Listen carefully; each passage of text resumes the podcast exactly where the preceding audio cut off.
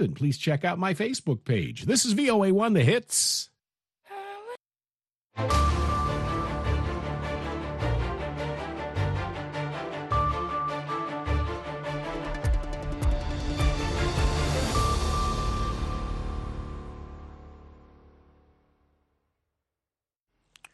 Halkani waa washington laanta af soomaaliga ee v o a oo aad ka dhagaysanaysaan mawjadaha gaagaaban efemyada geeska africa iyo caalamkao dhan oo aad nagala socotaan boggeena internetka ee v o a somaly com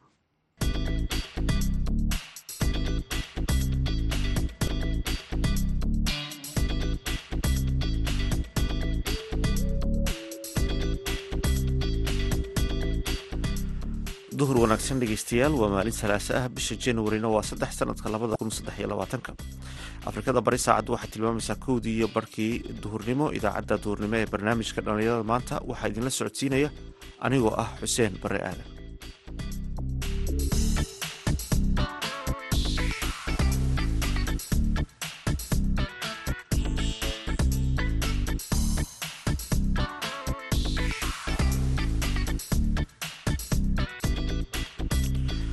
qodobada aad ku maqli doontaanna waxaa ka mid a dhallinyaro ku dhaqan magaalada boorama oo bulshada ku wacyigeliya arrimaha caafimaadka iyo fayaqabka bulshada. Ujeedooyinka ururkan aanu aasaasnay waqtigaas waxay ahayd saddex qodob. Qodobkiisa koowaad ujeedooyinkiisa ka mid ahaa waxay ahaayeen sidii ay wacgelin caafimaadka bulshada loo gaarsiin lahaa iyo sidii tababaro iyo cilmi baadhisyo loogu sameyn lahaa arrimaha caafimaadka waxaa kalood maqli doontaan waraysi ku saabsan buug uu qoray weriye ka hadlaya xuquuqda wariyeyaasha ay leeyihiin iyo heshiisyada shaqo ee ay galaan. Heesihii iyo cayaarihii ayaad soo kale maqli doontaan balse marka hore waxaad ku soo dhowaataan warkii dunida.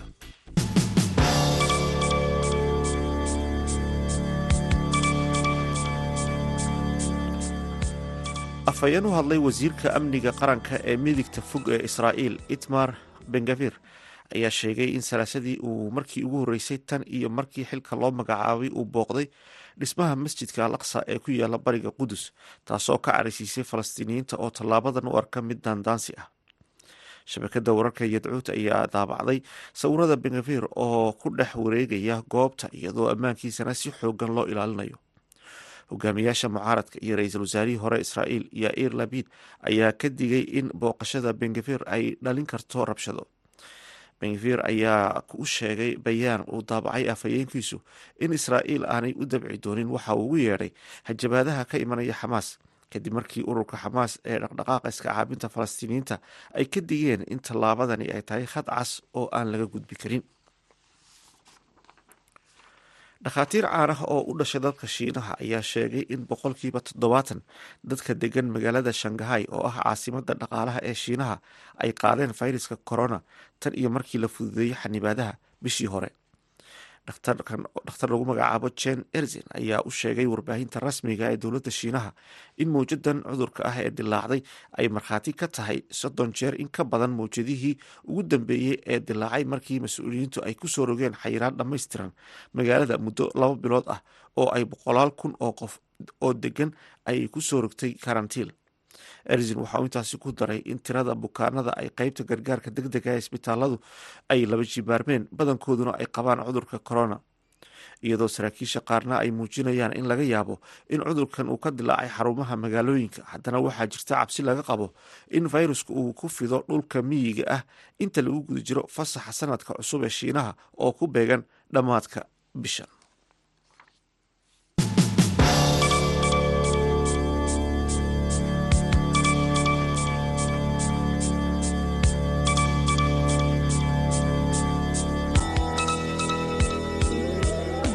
halkaad nagala socotaan dhegeystayaal waa laanta af soomaaliga ee v o a. Saxafiyiinta dhallinyarada ah ee ka howlgala koonfurta soomaaliya ayaa waxa ay la kulmaan dhibaatooyin xagga shaqada ah. Marka laga yimaado tacadiyada ay la kulmaan marka ay wararka raadinayaan ayaa haddana waxaa u dheer fahan buuxda iyagoon ka haysan xuquuqda shaqada ay ku leeyihiin iyo inay heshiisyo la galaan shirkadaha ay ka shaqeeyaan ururka iskutega saxaafadda soomaalida ee fesog ayaa waxa uu dhowaan qoray buug ku saabsan xuquuqda saxafiyiinta ay leeyihiin iyo waxa ay uga dhigan tahay in heshiisyo shaqo ay la galaan xarumaha ay ka shaqeynayaan. Wariyaha v o eda ee magaalada muqdisho cabdicasiis barrow ayaa arrintan waxa uu ka wareystay xogeyaha ururka fesoj faarax nuur waxaana uu weydiiyey nuxurka buugga iyo waxa uu saxafiyiinta da-da yar ku soo kordhinayo bismillahi raxmaan raxiim fesojka waxay ku dadaashay bal in xuquuqda saxafiyiinta wax badan laga qabto. Sida heshiisyaday galaan markay shaqaalo noqonayaan idaacadaha u shaqaynayaan iyo shaqadooda siday tahay iyo maaragtay waxyaabaha la xiriira inay ku biiri karaan ururada siday ugu biiraan ula socdo marka shaqadan waxay soo bilaabatay sagaal iyo tobankii. Gobolladoo dhan oo soomaaliya caasimadaha waaweyna tababaradii lagu qabanayay ayaa waxaa ka mid ahaa in iyaga dhexdooda xitaa la weydiiyo seshano la siiyo kaalimo la siiyo ay kaga hadlaan waxyaabaha oo caqabadaha ku ah shaqaalnimadooda marka wax badan wax badan ay tirsanayeenaa jiray oo buugga hadda laftigiisa lagu soo ururiyey gabdhaha xaaladahooda sidoo kale wax badan ay maarata i tabanayna lagu sheegay. Marka sanadkaas iyo sannadkii xigay iyo sannadkii kaleo xataa bartamihiis iyo waxay noqotay in buuggan lagu ururiyo oo waxyaabihii ay kaga hadleen.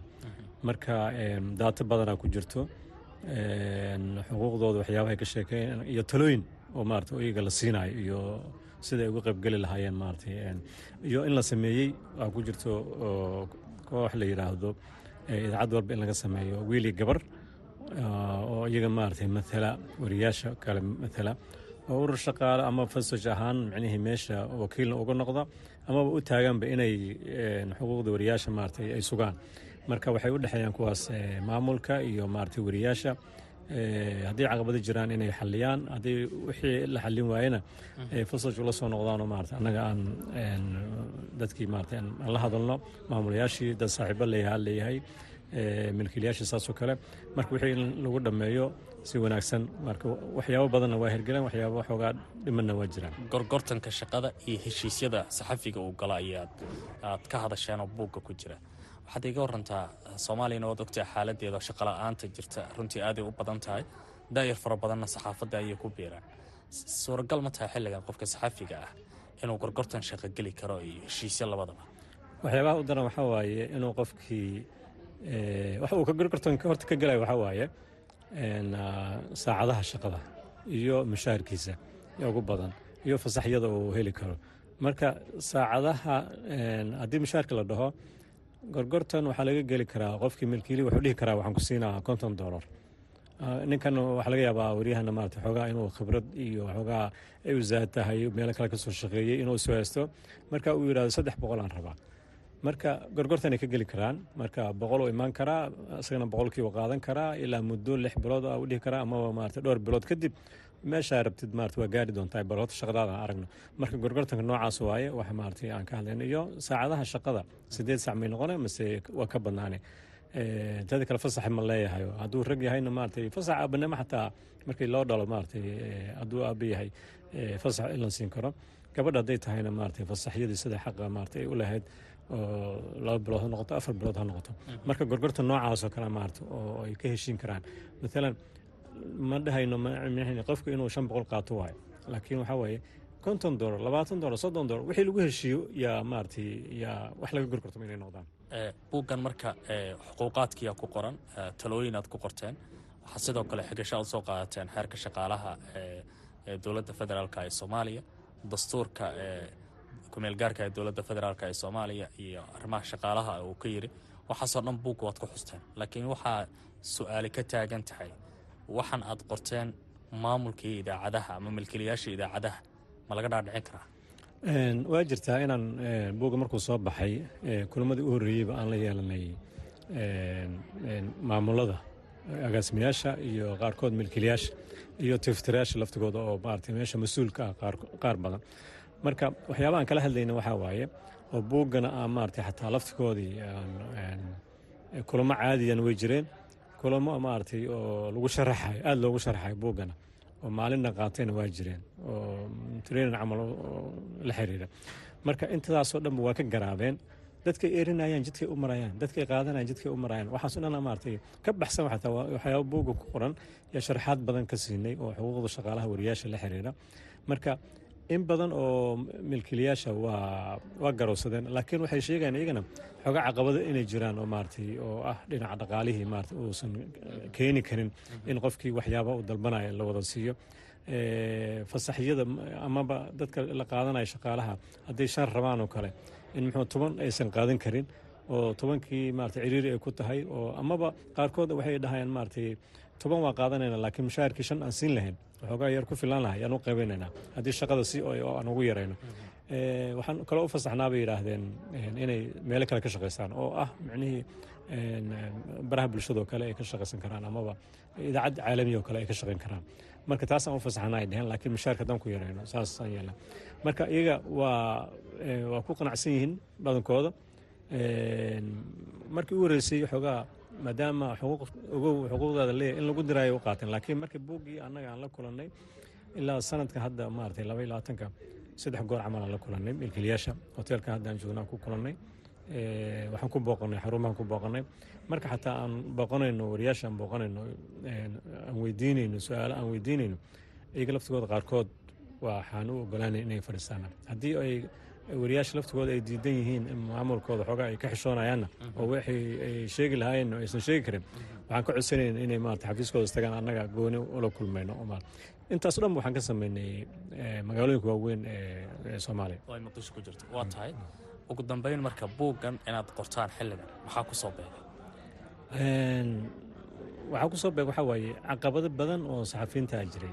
Haddaan hadda buuggan la qorina labadii sanoo la soo dhaafay caqabadaas way jiri lahayn amaba way sii xumaan lahaayeen. Qofaan xuquuqdiis la ilaalinayna soo bixi lahaa waxaa gabar ama wiilba oo wariyaa waxaa soo bixi lahaa in qof walba waqtiga laba layska eriyo mushaarkii raba la siiyo ama labaatan dolar xataa bishii haddii la siina in la yiraahdo saddex biloodaa sugaysaa la dhaho marka meel laga hadli karo yaan fursaddaas ku helnay oo buuggan ku soo saarnay maadaama wariyaashiina ay ogaadeen oo baraha bulshadana ay ka shaqaysan karaan ay arkeen haddii qofkii soo saara oo baraha bulshada suuq ku yeelan karo iyagii laftigoodana marka waxay arkeen in xilligan ay ku fiicneed in muxuu doodaas la sameeyo oo waxaan ay ka soo baxaan. Waayo bog intiisa badanba waxaa waaye wixii iyaga ay sheegeen yaan ku soo qaadnay oo maaragtay oo aan oo aan ku tafitirnay oo maaragtay aan tilmaan iyo talo dad kale ay maaragtay urada shaqaalaha ka shaqaynayana aan ugu darnay oo sida xeerarka maaragtay jiroo kale aad baa maqsanta adaa mudan kaasi waxa uu ahaa xogeyaha ururka fesoj faarax nuur oo magaalada muqdisho ugu warramayay wariyaha v o eda cabdicasiis barre markaad kala socoteenna waa laanta afka soomaaliga ee v o a. Markana aynu ku wada nasanno mid ka mid ah. Heesahan idinku talagalnay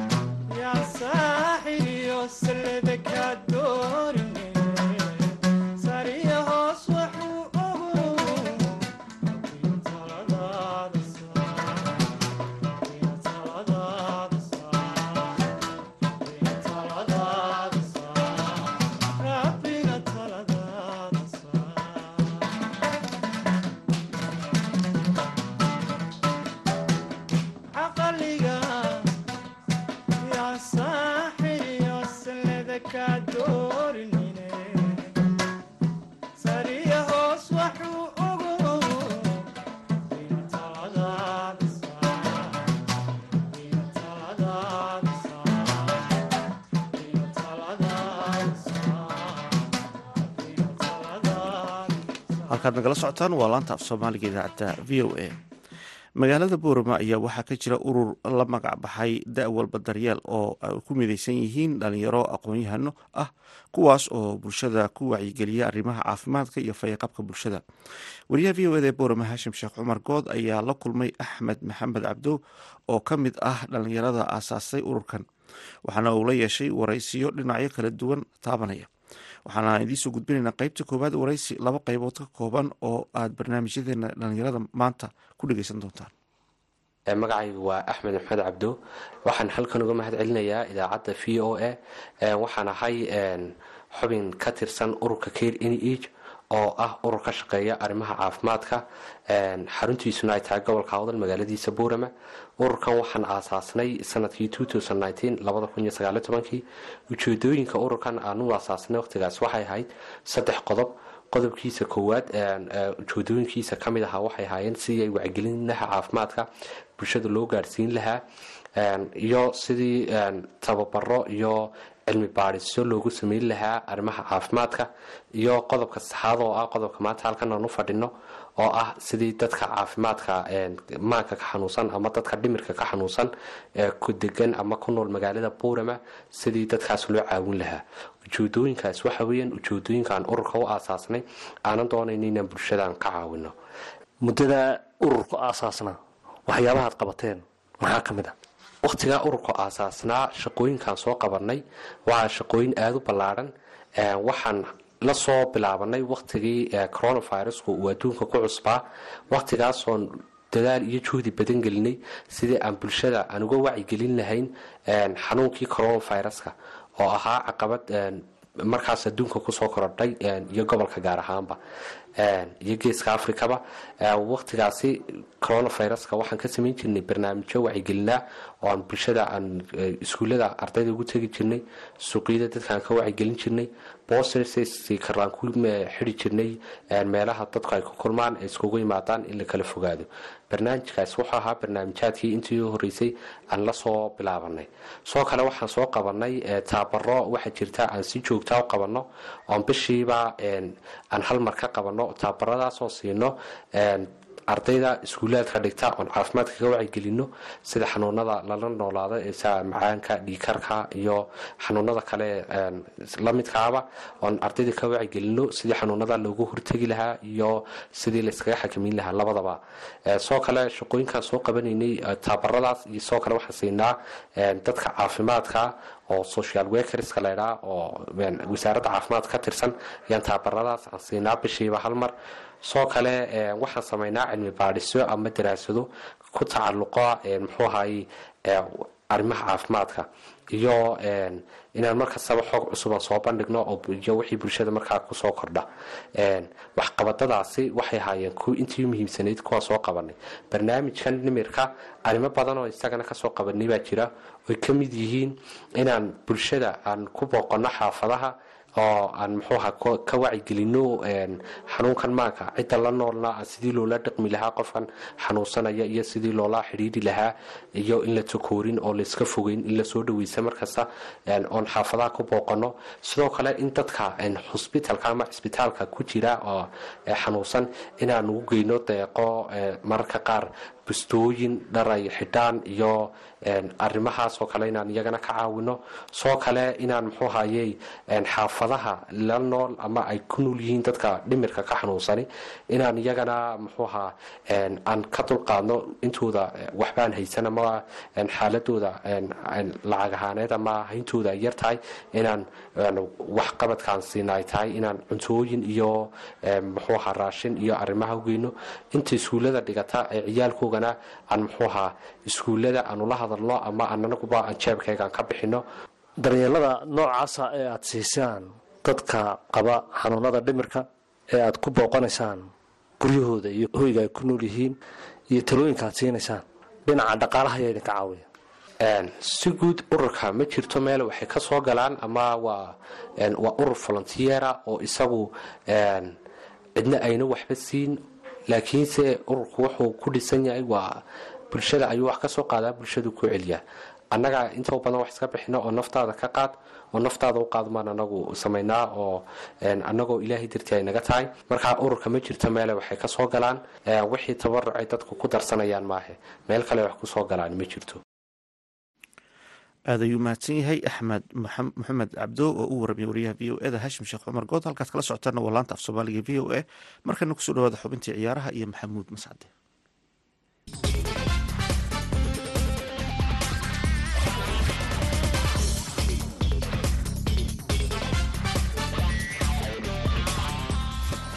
Kulan wanaagsan dhegaystayaal dhammaantiinba kuna soo dhowaada xubinta ciyaaraha aan ku bilaabay horyaalka waddanka ingiriiska. Habeenkii xalay ahaa hal kulan oo keliya ayaa fooda la ysku daray oo kooxaha kubadda cagta brentford iyo liverpool ayaa guriga brentford ee magaalada london ku wada kulmay. Inkastoo caawana kulamo adag la isugu soo noqonayo hase ahaatee kulankii habeenkii xalay ahaa dhacay kooxda kubadda cagta ee liverpool waa lagu galgashay oo saddex gool iyo hal ayaa lagu dharbaaxay. Waxaana xusid mudan in weeraryahanka kooxda kubadda cagta ee brentford ku dhaarato evan tony uu garoonka dhaawac kaga maqnaa. Laakiin kooxda brentford arrintaasi uma aanay dhutinin oo kooxda kubadda cagta ee liverpool waa la qaqabtay inkastoo liverpool fursado fara badan ay abuurtay haddana kama aanay faa'iidaysanin. Haddaba halkee laga haystaa kooxda kubadda cagta ee liverpool? Guuldarooyinkan maxaa ugu wacan? Sanadkanse suuragal ma tahay kooxdu inay kaalin wanaagsan ka gasho horyaalka waddanka ingiriiska arrimaha iyo kulamada caawaba waxay la falanqaynaysaa nasrakiin xaashi nuure oo ka mid a dadka ciyaaraha sida weyn u falanqeeya kuna sugan magaalada muqdisho ee caasimada waddanka soomaaliya kana tirsan telefishinka asal ee ciyaaraha ka faallooda nasrakiin xaashi soo dhowow arsenal iyo manchester united waa geli doonaa kulamada caawa kala gedisan ay ciyaarayaan laakiin bal kulankii xalay dhacay liverpool iyo brentford. Maxaa kaaga baxay adiga waa mahadsan tahay maxamuud mascade kooxda kubadda cagta brentford waa koox dhammaan kooxaha lixda ee horyaalka ugu sareeya dalka ingiriiska shan kamida soo garaacday. Awood ayay u lahayd in kooxda liverpool ugu yaraan bareejo ay la gasho ama ay ka badiso. Xabsi badan ayayna ka qabeen taageerayaasha kooxda ridiska in guuldaro caawa ay ka wajihi kareen ama xale ay ka wajihi kareen kooxda bradform taas ayaana sababtay in saddex gool iyo gool ay kaga badiso.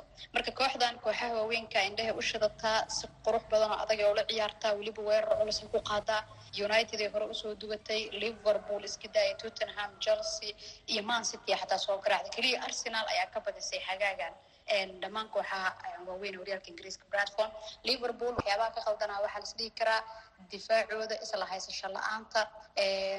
Ibrahim conati oo dhowaan guuldaradii qarankiisa weli si fiican uga soo kabsan ayaa xalay la keenay.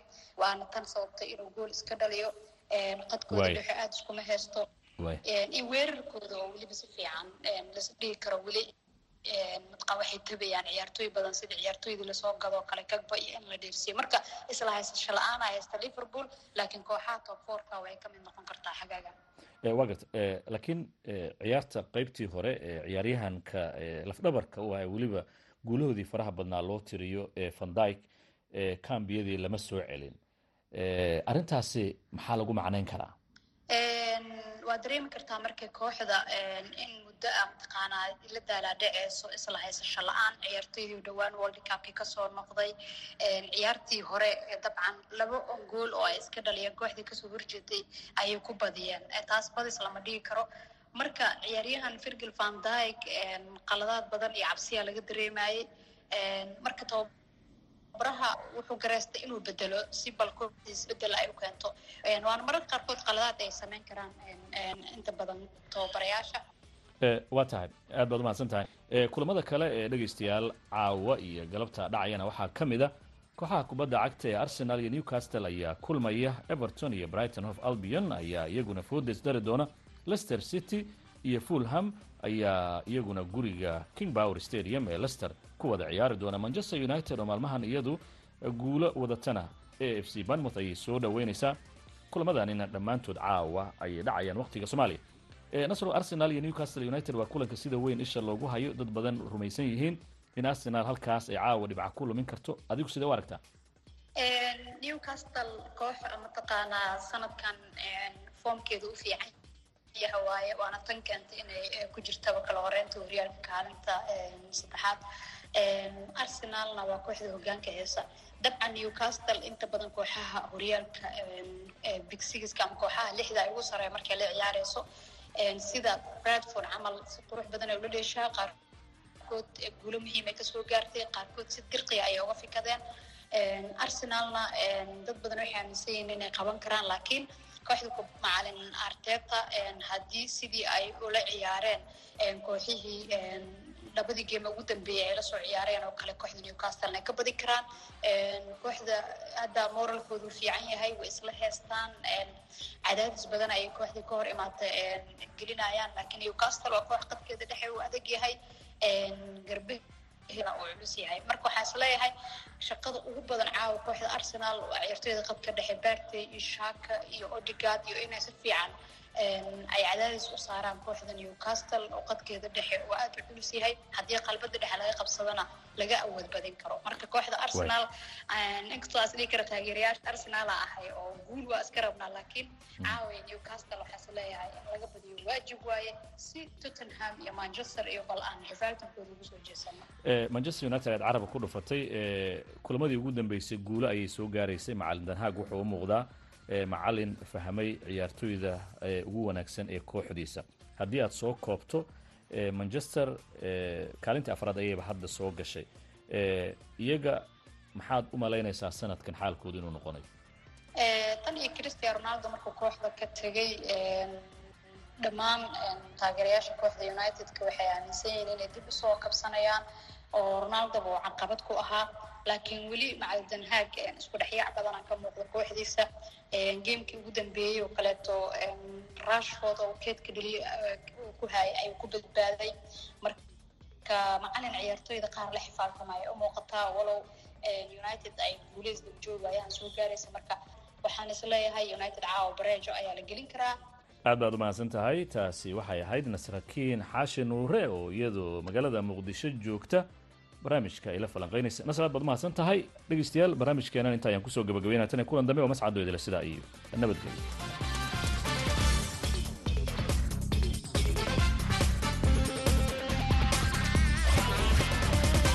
Markana dhegeystayaal aynu ku wada nasanno mid ka mid a heesaha aan idinku talagalnay